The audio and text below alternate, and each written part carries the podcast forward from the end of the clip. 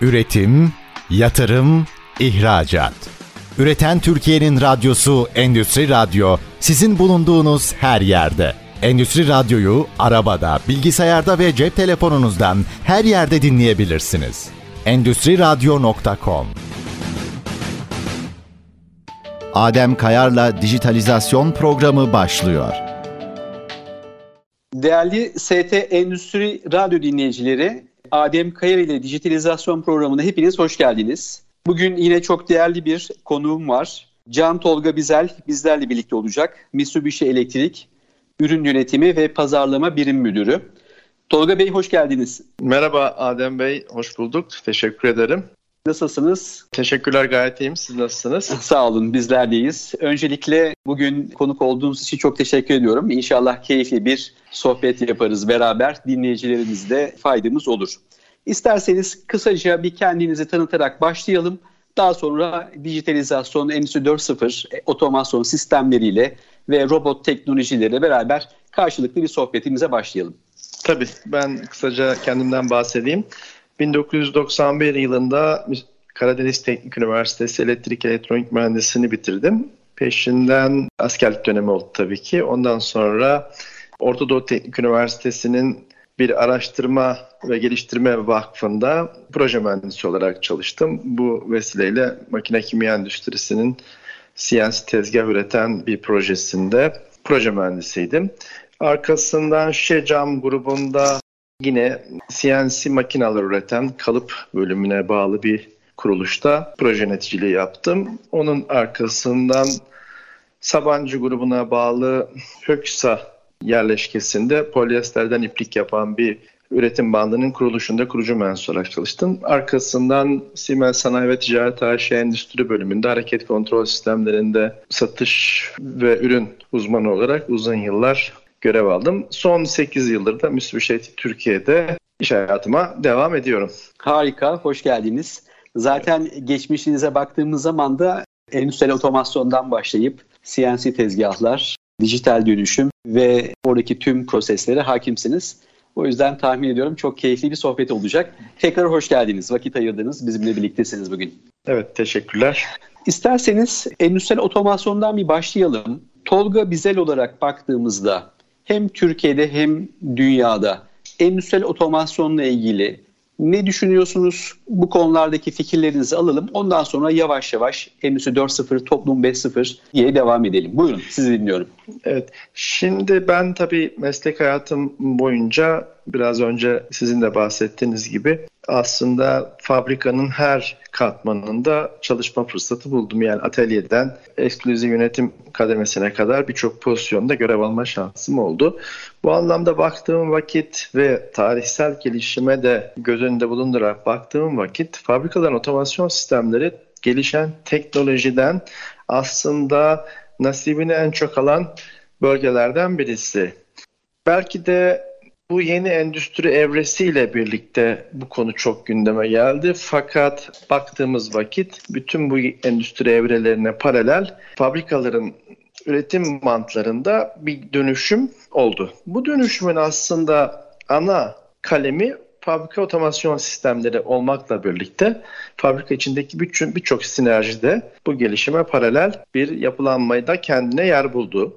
Baktığımda aslında Türkiye'nin bulunduğu lokasyonda, bu coğrafi pozisyonda eğer Ankara merkezine bir pergel dairesi koyup 3 saatlik bir uçak yolculuğu dairesi çizersek şunu göreceğimizi çok net düşünüyorum. Bu bölgedeki, bu daire içindeki en güçlü üretim altyapısına, üretim gücüne biz sahibiz. Tabii ki bu geçtiğimiz süreç boyunca en azından benim profesyonel hayat içinde bulunduğum süreç boyunca fabrik otomasyon sistemlerindeki dönüşüm çok dramatik oldu. Yani çok net hatırlıyorum ilk başladığım yıllarda elektrik sistemlerinin kontaktör rölelerle bir araya getirilerek oluşturulan mantık devreleriyle yönetildiği bir çalışma atölye yapısında şu anda gömülü bilgisayarlar tarafından yönetilen bir atölye yapısına evrildiğini gördük. Dolayısıyla bütün bu sistemin içinde yer alan, o etrafınızdaki süreçleri anlayan, hisseden sensörler, bu süreçler için verdiğiniz yanıtları hayata geçiren aktüatörler ve bunları kontrol eden sistemler bütün bu evre içinde geliştiler. Yani önceden bir nesnenin yerini anlamak için bir proximity switch kullanırken ve o proximity switch'in içindeki teknolojinin bize sağladığı örneğin manyetik alanın hissedilmesi yapısından şimdi o nesnenin uzayda nerede bulunduğunu, hareket edip etmediğini, hangi hızla hareket ettiğini, geometrisini, rengini, sıcaklığını, etrafındaki diğer nesnelerle olan ilişkisini anlayabileceğimiz akıllı sensörlerin olduğu bir evreye geldiğimizi düşünürsek e, yani fabrik otomasyon sistemleri geçtiğimiz dönemde çok dramatik bir şekilde şekil değiştirdi Ademciğim. Doğru. Aslında bu açıklamaların şu sorunun da karşılığı diye düşünüyorum. Bazen şöyle eleştiri de geliyor. Bizim Endüstri 4.0 diye konuştuğumuz aslında biz endüstriyel otomasyonda bunu yıllardır yaptığımız teknolojiler e, ne oldu ki Endüstri 4.0 oldu diyenlere de aslında bu bir açıklama oldu değil mi? Sadece işin isimsel değil teknolojik anlamda da sahadaki kullanılan sensörlerden haberleşmeden, internetten ve teknolojilere kadar baktığımız inanılmaz bir aslında sanayide ciddi bir evrim aslında yaşıyoruz hepimiz. Tabii doğru. Yani kavramların içeriğine iyi bakmadan yorum yapmak bizi doğru yere götürmeyebilir. Şimdi tabii çok popüler olan gündemdeki kavramları için herkesin belli yorumları oluyor. Herkesin kendi altyapısına uygun şekliyle konuya bakış açısı var. Hiçbirisine yanlış diyemeyiz.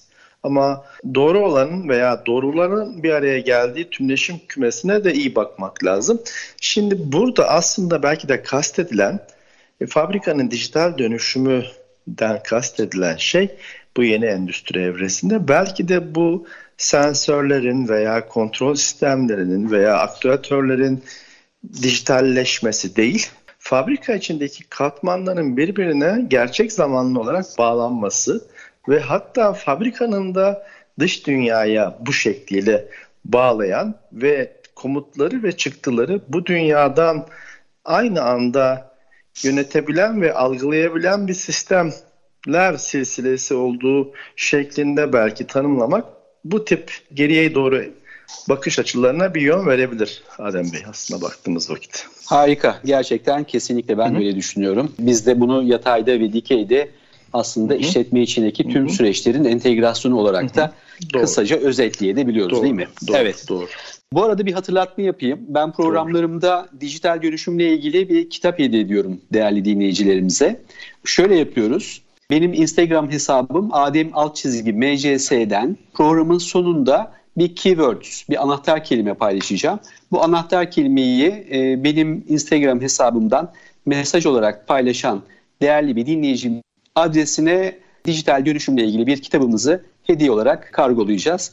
Bunu da buradan belirtmiş olayım. Devam edelim. E, birinci bölümümüzde endüstri otomasyondan başladık. Peki o zaman şöyle devam edelim mi e, Tolga Bey? Üretimde otomasyon neden gerekli?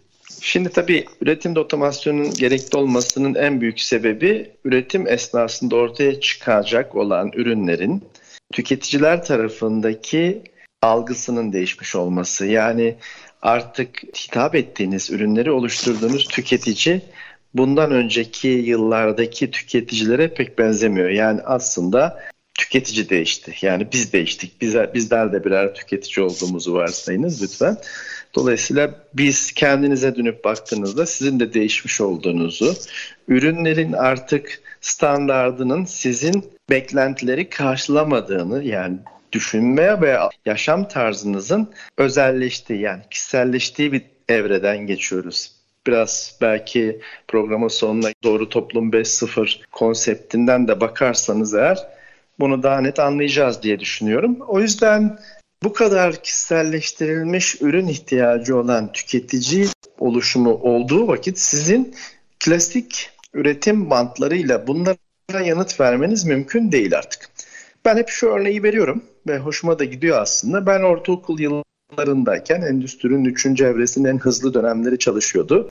Ve babam bir özel araç otomobil satın almak istemişti. Biz bu aracı alabilmek için sıraya girmiştik ve 6 veya 7 ay kadar aracı beklemiştik ve aldığımız araç üretilen bütün araçlarla aynı özellikleri taşıyor. Yani rengi, tekerleklerinin formatı, iç döşemesi, aynaları, aynalarının şekli, içerideki yönetim kadranlarının geometrisi bir önceki ve bir sonraki arabanın aynısıydı esasında. O anki üretim gücü bunu alabilmemiz için 6 ay beklememizi gerektiriyordu. Ama şimdi yarın bir araç sipariş etsek ki geçtiğimiz yakın bir zamanda peşimin mesela böyle bir çalışması oldu.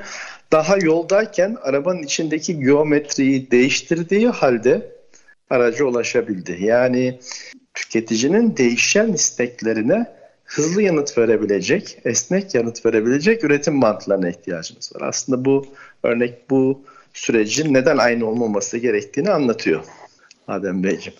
Evet aslında güzel bir açıklama. Buradan şunu da herhalde söyleyebiliriz. Eğer biz sanayide dijital dönüşümden, Endüstri 4.0'dan bahsediyorsak bunun hı hı. temelinde üretimde endüstriyel otomasyon sistemlerin de doğru kurgulanmış, doğru bir proseste çalışan ekipmanlarla beraber buranın da altyapısının hazırlanmış olması aslında önemli bir kriter gibi duruyor. Zaten doğru, o olmadan da doğru. dijitalizasyonu konuşamayacağız. Doğru. Zaten. Aslında beklenen de bu. Harika. Evet. Devam edelim. Peki şimdi üretimde otomasyonun önemini anladık. Peki üretimde dijitalizasyonun önemi o zaman devam edeceksek. Otomasyon sistemini kurduk. Bir üretimimiz var. Üretimimiz tamamen dijital. Peki Endüstri 4.0 dediğimiz ya da bizim sanayide dijital dönüşüm dediğimiz kavramın bir işletmede olması ne kadar önemli, olmalı mı? Bu konudaki düşüncelerini alalım. Birinci bölümü kapatalım, sonra devam edeceğiz. Yani bu bir tercih meselesi. Siz eğer kendinizin dijital dönüşüm süreçlerine yani bu endüstrinin yeni evresine hazır olduğunuzu hissediyorsanız, buna ihtiyaç duyuyorsanız dönüşüm süreci sizin için aslında başlamış sayılıyor. Eğer böyle bir ihtiyacınız yoksa ki bence olmalı. E, yoksa ki o da bir normal bir duruş olabilir, bir yaşam tarzı olabilir, bir üretim şekli şemali olabilir. Ona da saygı duyuyoruz. Ancak e, unutulmaması gereken şey şu. Tüketicinin biraz önce bahsettiğim tüketicinin dijital dönüşüm evresi başladı. Aslında 2011 yılında Bayan Merkel endüstrinin bu yeni evresinin başladığını ilan etmesi dramatik bir dönüşüm sürecinin açıklanması olarak kavranabilir. Çünkü dönüşüm demek normal giden hayatınızda, normal giden süreçlerinizi durdurup üstüne yeni eklemeler yapmanız veya değiştirmenizi gerektiren, yani konfor bölgenizden çıkmanızı gerektiren şeylerdir. Bu da büyük bir finans yatırımı ihtiyacı doğurmaktadır. Tabii ki neden bunu açıklamak zorunda kaldı? Bu kadar güçlü bir dünya ekonomisine sahip olan bir ülkenin yöneticisi bakarsanız eğer elindeki kaynaklara ve endüstriyel gücüne bütün üretim bantlarındaki yalın sistemlerini yapmış, verimliliğini arttırmış, tedarik zincirlerini belli bir düzene oturtmuş bir ülke diyor ki ben dönüşüyorum, değiştiriyorum. Bu giden sistematiğin içine yeni eklemeler yapmak zorundayım. İşte bunun sebebi tüketicinin değişmiş olması. Tabii ki bunu yapmazsanız, bu sürece dahil olmazsanız dijital dönüşümünü tamamlamış ve dijital dönüşüm içinde yer almış tüketiciyle senkron olmayan bir üretim bandına sahip olursunuz. Bir önceki kuşağın iletişim kaynaklarıyla şimdiki kuşağın iletişim ve ürünlere ulaşma ve o ürünleri tüketme alışkanlıklarının aynı olmadığını etrafınıza bakarsanız çok net bir şekilde görürsünüz. Aslında belki de hani insan hayatı için çok konforlu olmasa bile bu son yaşadığımız Covid salgını bu alışkanlıkların nasıl değiştiği konusunda bize bir fikir verebilir. Yani ben kendime dönüp baktığım zaman alışverişimi yaparken mutlaka markete gidip ürünü görüp oradan alıp o ürünü kendi hayatımın içine entegre etmek alışkanlığımı ürünü dijital dünyadan sipariş ederek, tanıyarak, dijital eşleniğini görerek sipariş edip hayatıma dijital olarak entegre etme sürecine geçmiş biri olarak bunun artık normal eski alışkanlıklarımıza yönelik bir üretim bandından ulaşmasının da artık hayatımın dışında olduğunu hepimiz biliyoruz diye düşünüyorum. Dolayısıyla Adem Bey dijital dönüşüm artık bir gereklilik. Üretim Harika. tesislerinde. Evet. Harika. Burada bir ara verelim. Ee, tamam. Birinci bölümü kapatalım. Peki. İkinci bölümde kaldığımız yerden devam edelim. Değerli dinleyicilerim, bugün Can Tolga Bizel'le beraber sohbetimize birinci bölümde başladık, devam ediyoruz. Kısa bir ara vereceğiz. Aradan sonra ikinci bölümde tekrar görüşmek dileğiyle. Üretim, yatırım, ihracat. Üreten Türkiye'nin radyosu Endüstri Radyo sizin bulunduğunuz her yerde. Endüstri Radyo'yu arabada, bilgisayarda ve cep telefonunuzdan her yerde dinleyebilirsiniz. Endüstri Radyo.com Değerli ST Endüstri Radyo dinleyicileri, Adem Kayar ile dijitalizasyon programımıza devam ediyoruz. Bugünkü konuğumuz Can Tolga Bizel. Tolga Bey birinci bölümde endüstriyel otomasyondan bahsettik. Endüstri 4.0'ın öneminden bahsettik. E, dijital dönüşümden konuştuk. Sona doğru pandemiden bahsetmiştik. İsterseniz pandeminin dijital dönüşüme etkileri neler oldu? Buradan e, devam edelim. Buyurun sizi dinliyoruz. Şimdi aslında dijital dönüşüm kavramı çok değişkeni olan geniş yelpazede değerlendirilmesi gereken bir konu bence. Fabrikanın yatay entegrasyonu günümüze kadar bizim için en önemli konulardan birisiydi ve hep buraya fokuslandık. Bütün yaşam döngüsü fokusumuz bu noktadaydı. Ancak daha sonra gördük ki dijital dönüşüme uğramış toplum, dijital dönüşüme uğramış toplumun ihtiyaçlarının giderilmesi fabrikanın dikey entegrasyonuna da ihtiyacına da gerek duyuyor. Zaten Endüstri 4.0 açıklamalarını iyi dinlersek eğer göreceğimiz şey dikey entegrasyonla ilgili konulardır.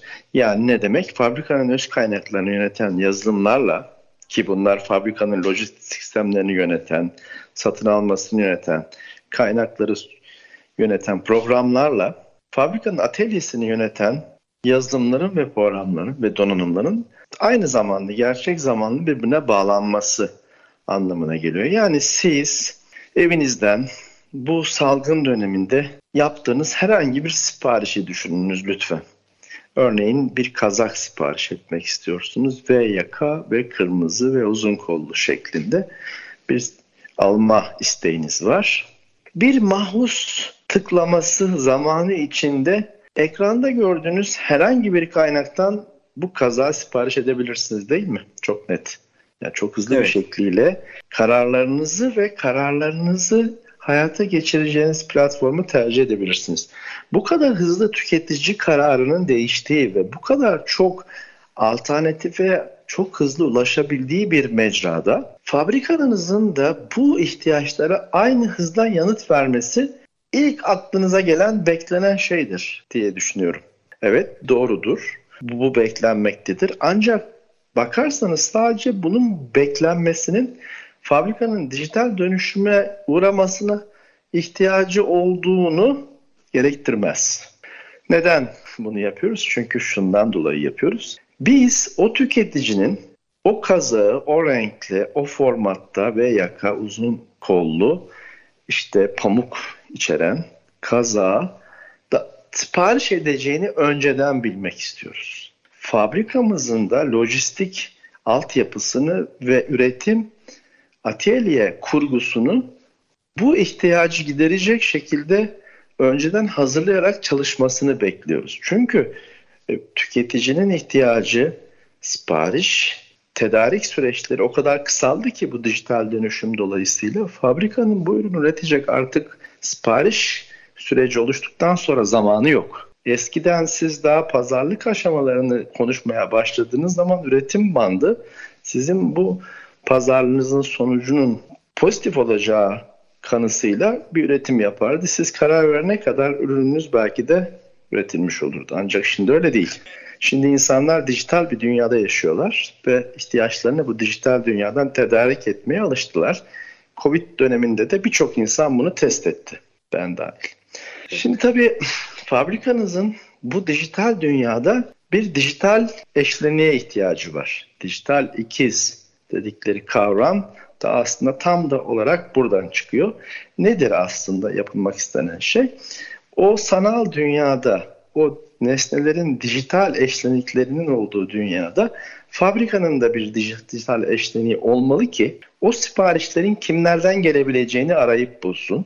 O siparişler geldiği zaman da veya oluşacağı zaman da o mouse tıklamasından önce ona yanıt verecek şekilde kurgusunu yapmış olması gerekiyor. Yani işte bütün bu süreçler aslında dijital dönüşümü çok iyi açıklayan altyapılar. Yani sizin dokumayı yapacağınız dokuma makinesi içinden geçecek olan ipin tedariği, bu ürünün geometrisinin tasarlanması, işte bu makinaların ve bu bütün ham maddenin dijital ikiziyle sağlanıp yapılıp yapılamayacağı, hangi zaman aralığında yapılacağını test edilip yani bir yazılım altyapısıyla kontrol edilip ilgili müşteriye doğru yanıtın o mouse tıklaması için de verilmesi hikayesinden kaynaklanıyor. Dolayısıyla diyemezsiniz ki ben dijital dönüşüme uğraman bir fabrika yapmak istemiyorum.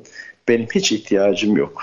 Çünkü dijital bir dünya pazar dijital oldu. Yani çok eski yıllarda eğitim sistemimizde ne anlatılırdı? İşte ticaret bir ipek yolu var. Batıdan doğuya, doğudan batıya bu yol üzerinden kervanlarla mallar giderdi, ürünler el değiştirirdi, para ticareti olurdu diye anlatılırdı. Bu İpek yolu dediğiniz şey fiziksel bir yoldu. Hatta ülkemizden Antep'ten de geçer, geçmiş zamanlarda geçermiş. Orada bununla ilgili birçok konaklama mekanı da hanlar, hamamlar görürsünüz. Ama şimdi o yol internet denilen dünya üzerinde dünyanın her tarafına ulaşacak şekilde değişti.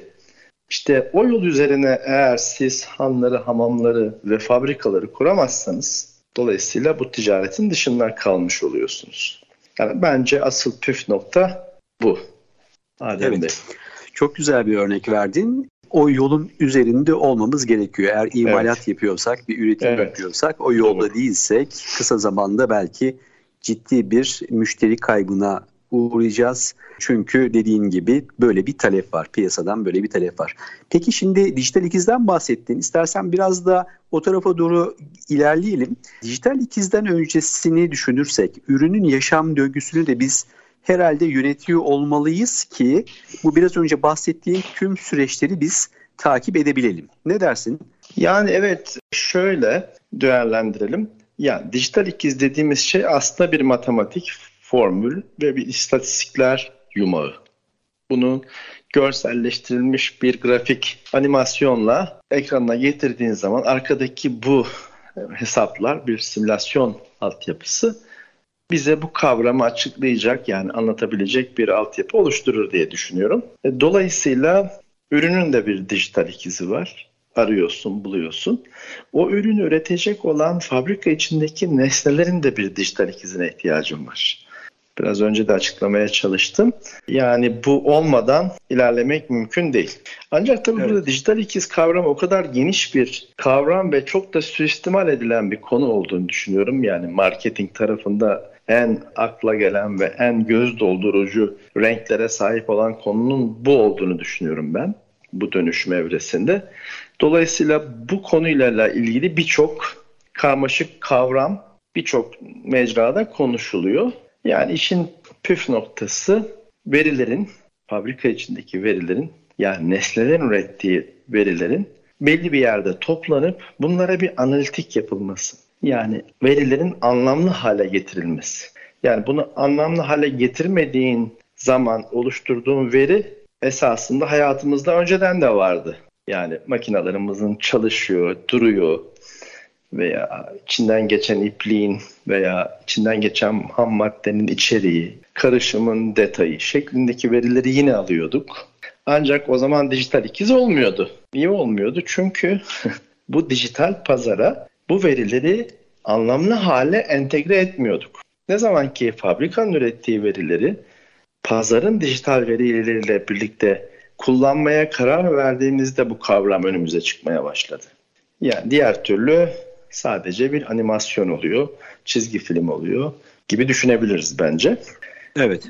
Burada aslında yapılmaya çalışılan şey analitik Yani iki verinin bir araya gelip gelecekteki bir konunun şekillendirilmesi için anlamlı hale getirilmesi. Tabii birçok metot var, birçok teorik, matematiksel ve istatistiksel yöntem var. Tabii evet. tam da onun üzerinde daha anlamlı hale getirilen yapay zeka teknolojileri var. Yani dijital ikiz yapmış olmamız çok da bizim için geliştirilmiş bir metot oluşturmuyor. Aslında yapay zeka teknolojilerini dijital ikiz kavramının içine entegre ettiğin zaman bambaşka bir konu boylam kazanıyor. Ben hani burada yapay zekayı dijital ikiz kavramından daha çok önemsiyorum. İstersen burada bir nokta koyalım. Çünkü dijital ikiz, simülasyon teknolojileri, yapay zeka, hatta belki metaverse'ü Üçüncü bölüme bırakalım. Hı hı. Toplum 5.0'la bunu birlikte konuşalım. Burası gerçekten de e, herhalde hepimizin e, heyecanla beklediği ve gelecekte hı hı. hepimizin hayat standartını, şeklini hı hı. değiştireceği bir teknoloji olacak. Burayı ben de çok önemsiyorum. Ben tekrar hatırlatayım. Değerli dinleyiciler programımızı takip edip programın sonunda paylaşacağım anahtar kelimeyi Adem Altçizgi MCS Instagram hesabından paylaşan değerli bir dinleyicimize dijital dönüşümle ilgili bir kitap hediyemiz olacak. Adresine kargo ile göndereceğiz. O yüzden programımızı takip ederseniz ve anahtar kelimeyi paylaşırsanız sevinirim. O zaman biz üçüncü bölüme geçmeden önce biraz önce de bahsettiğimiz gibi Endüstri 4.0 ya da sanayide dijital dönüşümde birçok farklı bileşen var. İşte biraz önce sen de söyledin, dijital ikizden bahsettik, yapay zeka olmazsa olmaz dedik. Ben Metaverse dedim birazdan onu konuşacağız dedik. Ama bunlardan e, en çok şu anda günümüzde kullandığımız bir de endüstriyel robotlar var. İstersen bu ikinci bölümümüzün son kısmında da biraz endüstriyel robotların sanayideki uygulamalarından bahsedelim. Endüstri 4.0'a katkılarını, hı hı. bunlarla hı hı. yaptığımız projelerden bahsedelim. Hı hı. Hı hı. İkinci bölümde bu şekilde tamamlayalım. Olur tabii. Şimdi robot teknolojileri esasında çok da yeni konular değil. Uzun zamandan beri robotlar hayatımızda var. Üretim bantlarında yerlerini alıyorlar idi. Ancak burada bu dönüşüm evresinde onların çalışma şekli de biraz değişti. Önceden yani endüstrinin üçüncü evresinde çalışan robotlar fabrikanın üretim bağımlılığının içinde, atölyede, herhangi bir yerde kendi kendilerine onlara daha önceden verilmiş işi, standart işi, standart bir yörünge altında durmadan, yorulmadan yapacak mekanik sistemler olarak değerlendirebilirsin. Yani çok da bence yerinde bir açıklama olduğunu düşünüyorum. E, bu işi de çok da güzel yapıyorlardı. Onlardan herkes de memnundu. Ancak bu yeni evrede onlardan aslında başka şeyler isteniyor ve ilginç bir şekilde onlar da bu görevleri de yerine getirebilecek altyapıya sahip olduklarını ispat ediyorlar. Yani beklent, beklentimiz değiştiği halde kendilerini yenilediler. Yani aslında bir gece sabaha karşı büyük bir mekanik robotun beni yatağımdan silkelerek kaldıracağı travması kesinlikle film dünyasının yarattığı bir senaryonun bizde oluşturduğu resimdir. Bu olmayacak, böyle bir şey olmayacak. Ondan emin olabilirsiniz. Yani peşini çektiğin zaman duracaklarını düşünüyorum. Ama robotlarla ilgili birçok teorisyen veya birçok bilim adamı veya birçok fütürist, birçok sosyal bilimcinin bir takım çalışma prensibi konularında yorumları var. Yani o yüzden o noktayı çabuk geçiyorum ve aslında bizi ilgilendiren kısmı günümüzdeki bu dijital dönüşüme uğramış, değişmiş tüketici ve insan kavramı doğal olarak da fabrikada çalışan insanlar için de geçerli. Fabrikada çalışanlarımız da dijital dönüşüme uğradı. Yani fabrikanın her katmanındaki planlama, pazarlama, yönetim, üretim bandındaki herkes aslında dijital dönüşüme uğradı. Bu dönüşüme uğramış insanla çalışacak robotların da dönüşüme uğramamasını beklemek doğru bir kanı olmazdı. Robotlar da yeni bu kurguda şunu bekliyoruz. Birincisi insanla beraber çalışmalı ve serbestçe fabrika içinde tıpkı insan çalışma arkadaşları gibi gezinmelerini bekliyoruz. Bu bir önceki endüstri evresinde çalışan robotlara göre çok dramatik bir değişim. Robot teknolojileri bunu sağlayabilecek şekliyle gelişmesini hızla sürdürüyor. İkincisi İş emirlerini de tıpkı insanlar gibi alıp yorumlayıp işi yerine getirecek şekilde kendini yönlendirecek altyapısıyla kullanmasını bekliyoruz. Yani ürün değiştikçe veya ürünün şekli veya geometrisi veya yapısı değiştikçe robotun da bu değişen ürünle birlikte çalışma yetkinliğini ve tecrübesini kendi kendine kazanmasını bekliyoruz. Yani demek ki iki ana konu dolayısıyla robot teknolojileri bu endüstri evresinde biraz farklı. Birincisi serbest gezinen robotlarımız olacak.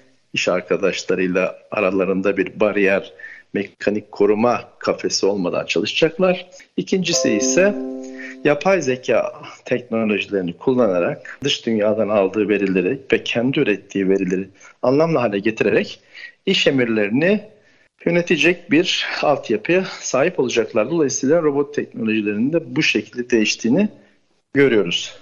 Yani Adem Bey. Evet o zaman endüstriyel robotlar da akıllanıyorlar. Onlar da teknolojiler orada da ciddi bir şekilde ilerliyor. Evet, doğru, doğru. Ee, ve dediğin gibi aslında yapay zeka olmadan da bunları da yapamıyoruz. Evet. Biraz önce bahsetmiştik zaten. Üçüncü bölümümüzde dijital ikizden, yapay zekadan, metaverse'ten bahsedeceğiz demiştik. Harika evet. gidiyoruz. Çok keyifli. Umarım dinleyiciler ve sen de keyif alıyorsundur. Evet. İkinci bölümümüzün sonuna geldik değerli dinleyiciler. Can Tolga Bizer'le sohbetimize devam ediyoruz. Kısa bir ara vereceğiz. Daha sonra tekrar üçüncü bölümde görüşeceğiz. Üretim, yatırım, ihracat. Üreten Türkiye'nin radyosu Endüstri Radyo sizin bulunduğunuz her yerde. Endüstri Radyo'yu arabada, bilgisayarda ve cep telefonunuzdan her yerde dinleyebilirsiniz. Endüstri Radyo.com Değerli ST Endüstri Radyo dinleyicileri, Adem Kare ile dijitalizasyon programına devam ediyoruz. Bugünkü konuğumuz Can Tolga Bizel. Şimdi Tolga Bey isterseniz son bölümümüzde, üçüncü bölümümüzde kısaca bahsetmiştik. Dijital ikiz ve yapay zekayı biraz daha irdeleyelim. Son dönemde çok gündemde olan Metaverse konusu var. Metaverse ile biz endüstriyel tarafta neler yapabiliriz? Bunları biraz konuşalım. Biraz önce robotlardan bahsetmiştik endüstriyel robotlarda. Endüstriyel robotlar da artık bildiğimiz klasik robotlar değil demiştiniz. Yapay zeka algoritmalarıyla artık onlar da akıllanıyor demiştiniz.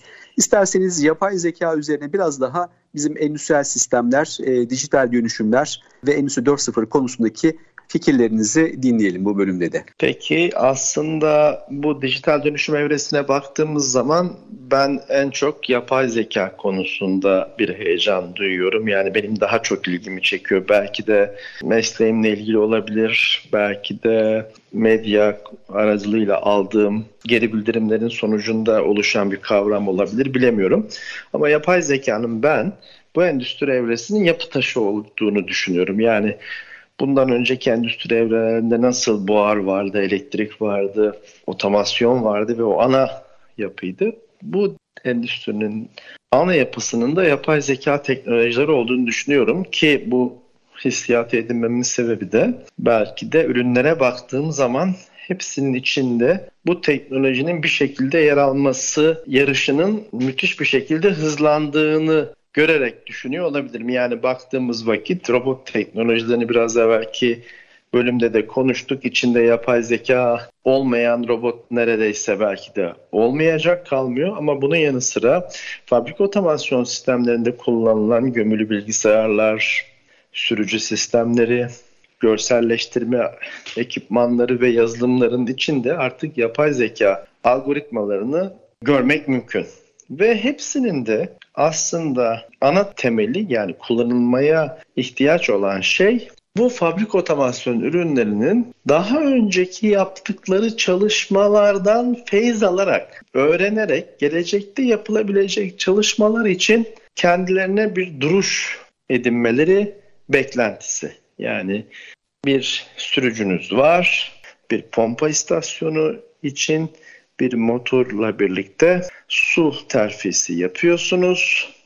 Buradaki çok kritik bir proseste çalışıyorsunuz. Durmaması lazım. Şunu bekliyoruz sürücüden. Ne zaman duracağını anlayıp veya pompa istasyonundaki filtrelerinin ne zaman tıkanacağını anlayıp ona göre bana bir bilgi vermesi. Yani evet. baktığınız vakit hani çok anlamlı değilmiş gibi geliyor ama aynı örneği bir ameliyathanedeki havalandırmayı yapan havalandırma sistematiğini kontrol eden sürücü sistemlerini eşleştirdiğiniz zaman bir ameliyat sonrası insan vücudunun sıcaklığının belli bir noktadan belli bir noktaya çok hızlı bir şekilde taşınması ihtiyacının çok kritik olduğunu düşündüğünüz yerde size çalışamayacağını söyleyen bir sürücünün ne kadar önemli olduğunu anlayabileceğinizi düşünüyoruz hepimizin. Ben en azından öyle düşünüyorum. Dolayısıyla bu verilere sahip olan sürücünün bunu kendi içindeki bir takım istatistik fonksiyonları yerine getiren yapay zeka altyapısıyla birlikte değerlendirip yorumlamasını ve çalışma tarzını ona göre iyileştirmesini bekliyoruz. Dolayısıyla yapay evet. zeka yani fabrik otomasyon sistemleri üründen içine çok hızlı bir şekilde entegre oldu. Yani biraz önce de mesela verdiğim örnekte kamera sistemlerinden bahsetmiştim. Görüntü işleme yapay zeka algoritmalarından en çok nasibini alan veya en çok ihtiyaç olan konu başlıklarından birisi olduğunu düşündüğünüz zaman ürettiğiniz ekmeğin üzerindeki kalitenin kontrolü böyle bir kamera yapısıyla ve böyle bir yapay zeka algoritmasıyla taçlandırıldığı zaman kesintisiz, sürdürülebilir, tüketici ihtiyaçlarını yerine getirebilir bir üretim yapmanız mümkün. Hatta ben zaman zaman üniversitelerde yapılan etkinliklere, genç arkadaşlarımızın, geleceğin profesyonel olan arkadaşlarımızın çalışmalarına tanık oluyorum. Şöyle bir uygulama görmüştüm, çok etkilenmiştim. Bir kamerayla insan yüzü izleniyor. İlk baktığımda sanki kişinin kim olduğunu veya yüzünün duygularını anlayacağını düşünüyordum ama öyle yapılmıyormuş. Kişinin nabzı ölçülüyor. Yani kan atışının, hı hı. kalbinin atma hızı hesaplanıyor. Şimdi böyle bir kamerayla akıllı bir binanın girişinde bina içine giren insanların hangi duygularla girdiğini anlamanız mümkün.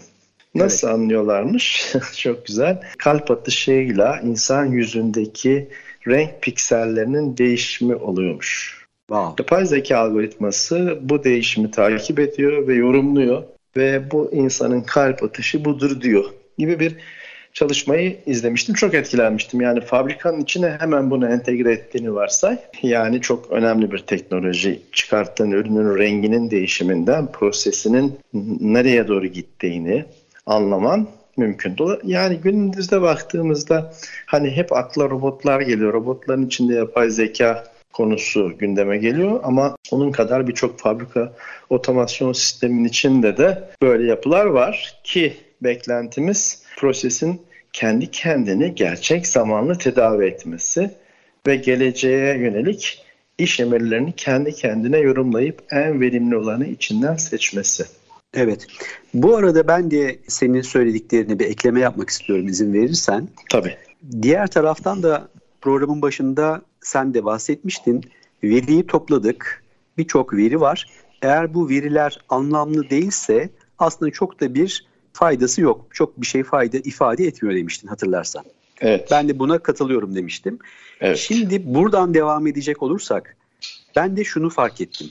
Dijital dönüşümde biz bir makineden belli bir frekansta datayı okuyup bunu database'e kaydettiğimizde belli bir süreç sonra o kadar çok dataya sahip oluyoruz ki evet. bu datayı anlamlı hale getirebilecek bir algoritmayı ancak yapay zeka yapabilir. Bunu evet. bir insanın yapması mümkün değil diyorum. Ne dersin? evet, evet doğru.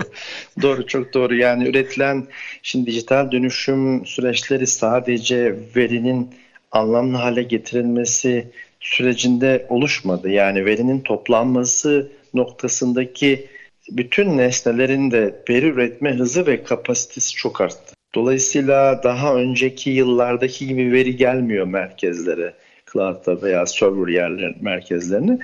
Evet, bu kadar çok veri gelince bunları anlamlı hale çevirmekte bir insan üstü kavram gerektiriyor. İşte aslında biz burada bizim üzerimize düşen bazı yükleri yapay zeka algoritmasının yapmasını bekliyoruz.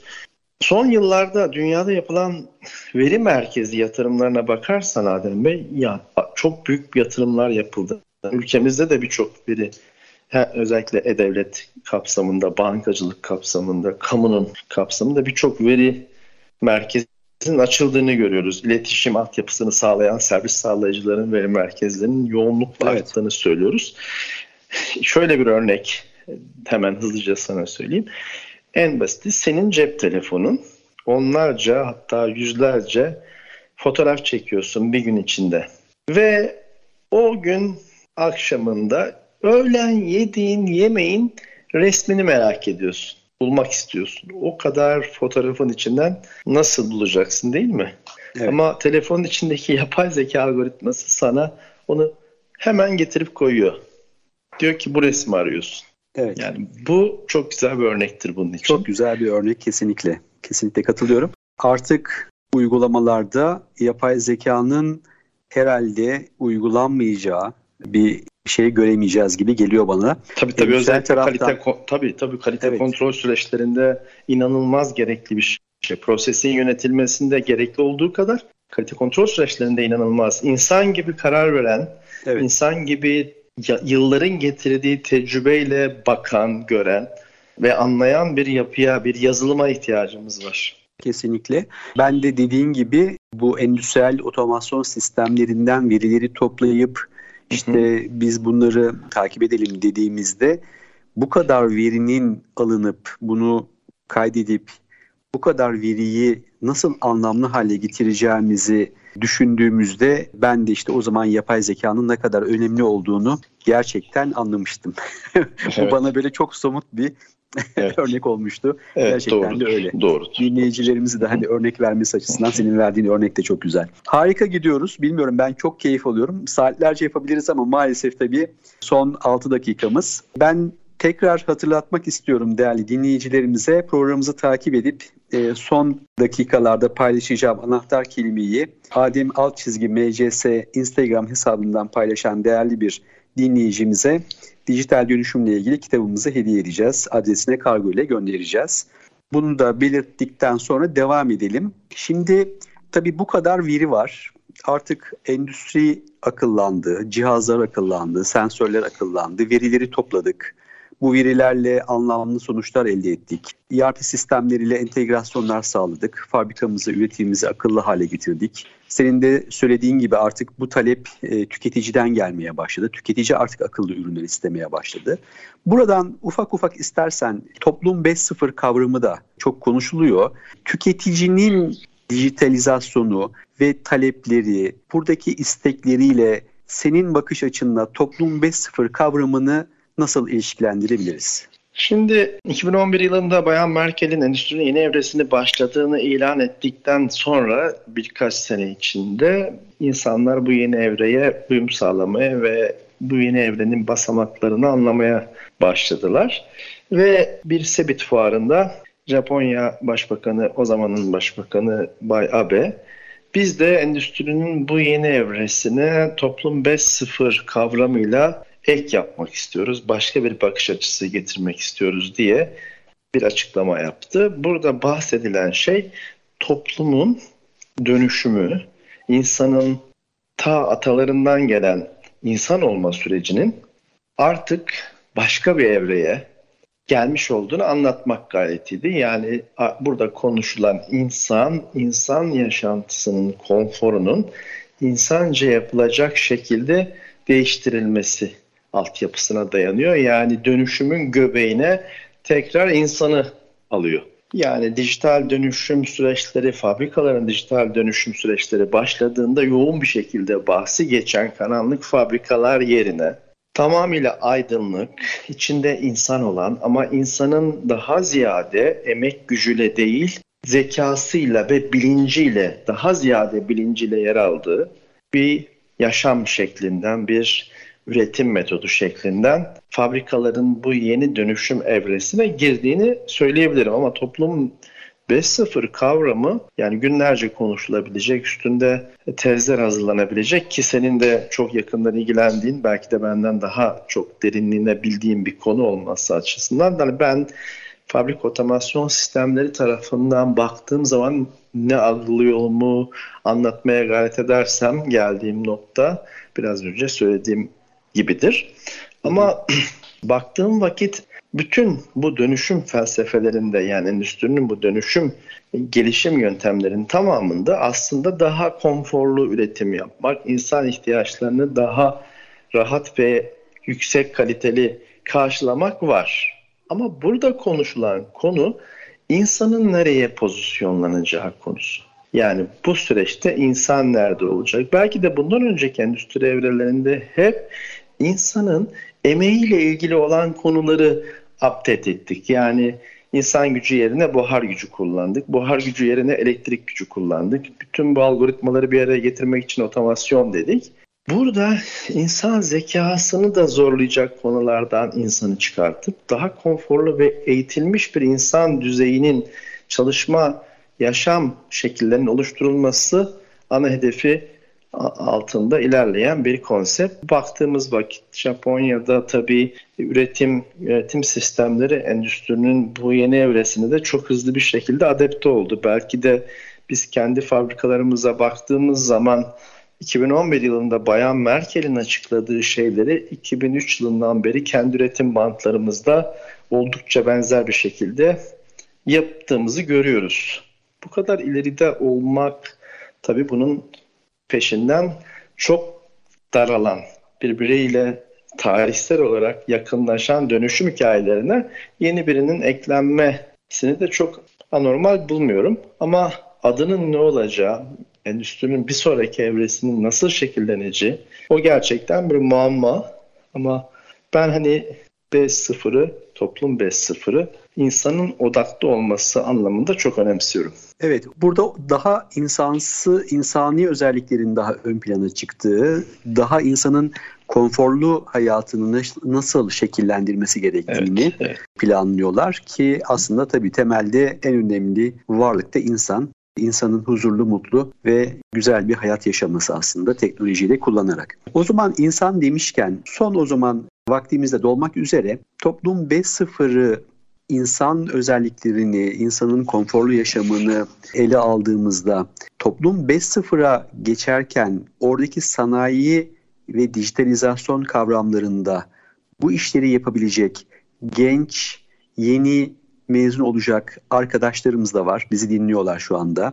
Onlara bu konuda kendilerini nasıl geliştirmeleri konusunda, neler yapmaları konusunda tecrübeli biri olarak neler tavsiye edebilirsin? Bu da çok önemli herhalde. Yani ee, bunu da istersen bu son cümlelerimizle yavaş yani, yavaş kapatmış olalım. Ben hani nacizane kendi tecrübelerimden birkaç paylaşımda bulunmak istiyorum ancak hiçbir şeyin tam olarak herkes için doğrusunun aynı olmadığını da bilerek ve bunu evet. da herkesin bildiğini düşünerek ben kendim için olan e, geçmişte kullandığım, gelecekte kullanılmasının daha doğru olduğunu düşündüm konulardan birkaçını açıklayayım, paylaşabilirim.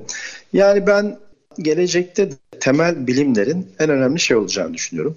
Yani ara disiplinler çok önemli ancak ana disiplinlerin asla ve asla ihmal edilmemesi gereken bir evreye giriyoruz. İşte yapay zeka teknolojileri diyoruz. Matematiğin ne kadar önemli olduğunu bir kere daha görüyoruz. Ee, bilişim teknolojisine değer katan en önemli temelin matematik olduğunu görüyoruz. Daha sonra işte akıllı sensörler diyoruz. Bunların üretilmesi diyoruz. Fiziğin ne kadar önemli olduğunu görüyoruz. E, yenimizde yani ürünün kokusunu hisseden sensörler geliştiriyoruz. Kimyanın ne kadar önemli olduğunu biliyoruz. Bütün bu süreçlere taraf olmak için temel bilimlerle ilgili eğitim sürecinin asla ve asla ihmal edilmemesi gerektiğini düşünüyorum ve bunu hep önemseyerek genç arkadaşlarıma, geleceğin profesyoneli olan arkadaşlara, olacak arkadaşlara anlatmaya gayret ediyorum. Yani ben bu konuyu çok önemsiyorum. Bunları bildikten sonra gelişen teknolojiye göre gerekli duruşu sergileyeceğine inanıyorum arkadaşlarımızın. Ve biz yani şirketimiz olarak veya profesyonel firmalar olarak diye düşünüyorum. Bu yeni teknolojilerle olabildiğince insanları erken tanıştırmayı çok önemsiyoruz. O yüzden üniversitelerin endüstriyel otomasyon laboratuvarlarına biz de onların eğitim süreçlerinde kullanılması için kendi çabamızda, kendi çapımızda destek olmaya gayret ediyoruz. Ama her zaman da şunu söylüyoruz yine. Size verilmiş olan cihazlar sadece bu ana bilimlerin bir yansıması. Temel bilimler ve temel bilimlerle ilgili bütün bağlantılı konu başlıklarının derslerin çok iyi dinlenmesi ve anlanması, anlanmadan asla bir sonraki evreye geçilmemesi teorik olarak beklentim, önerim. Pratik olarak ise hayatımıza giren her konu başlığının karşılığının teorik dünyada ne olduğunun bir kontrol edilmesi. Çok önemsiyorum bunu. Bu da algılarımızın gelişmesi ve problemlerin çözme ve çözüme hızını, kalitesini geliştirecek altyapıyı bizde oluşturan en önemli temeldir diye düşünüyorum. Bunu da tavsiye ediyorum. Çok teşekkür ediyorum Tolga Bey. Zaman ayırdınız. Programımızda bizlerle birlikte oldunuz. Ağzınıza sağlık. Çok keyifli bir sohbet oldu. Çok teşekkür ediyorum. Ben de çok teşekkür ederim. Bana ve firmama bu imkanı sağladığınız için size ve kuruluşunuza tekrar teşekkürler. İyi çalışmalar. İyi günler. Sağ olun. Değerli ST Endüstri Radyo dinleyicileri, bugün Can Tolga Bizel Bey ile dijitalizasyon, Endüstri 4.0, endüstriyel robotlar, yapay zeka, Toplum 5.0 hakkında konuştuk. Umarım keyifli bir sohbet olmuştur. İnşallah faydalanmışsınızdır. Bugünkü anahtar kelimemiz Can Tolga Bizel Robotik. Bu anahtar kelimeyi Adem Altçizgi MCS Instagram hesabından mesaj olarak paylaşan değerli bir dinleyicimize dijital dönüşümle ilgili kitabı adresine kargo ile göndereceğiz. Hepinize iyi bir hafta diliyorum. Sağlıcakla kalın.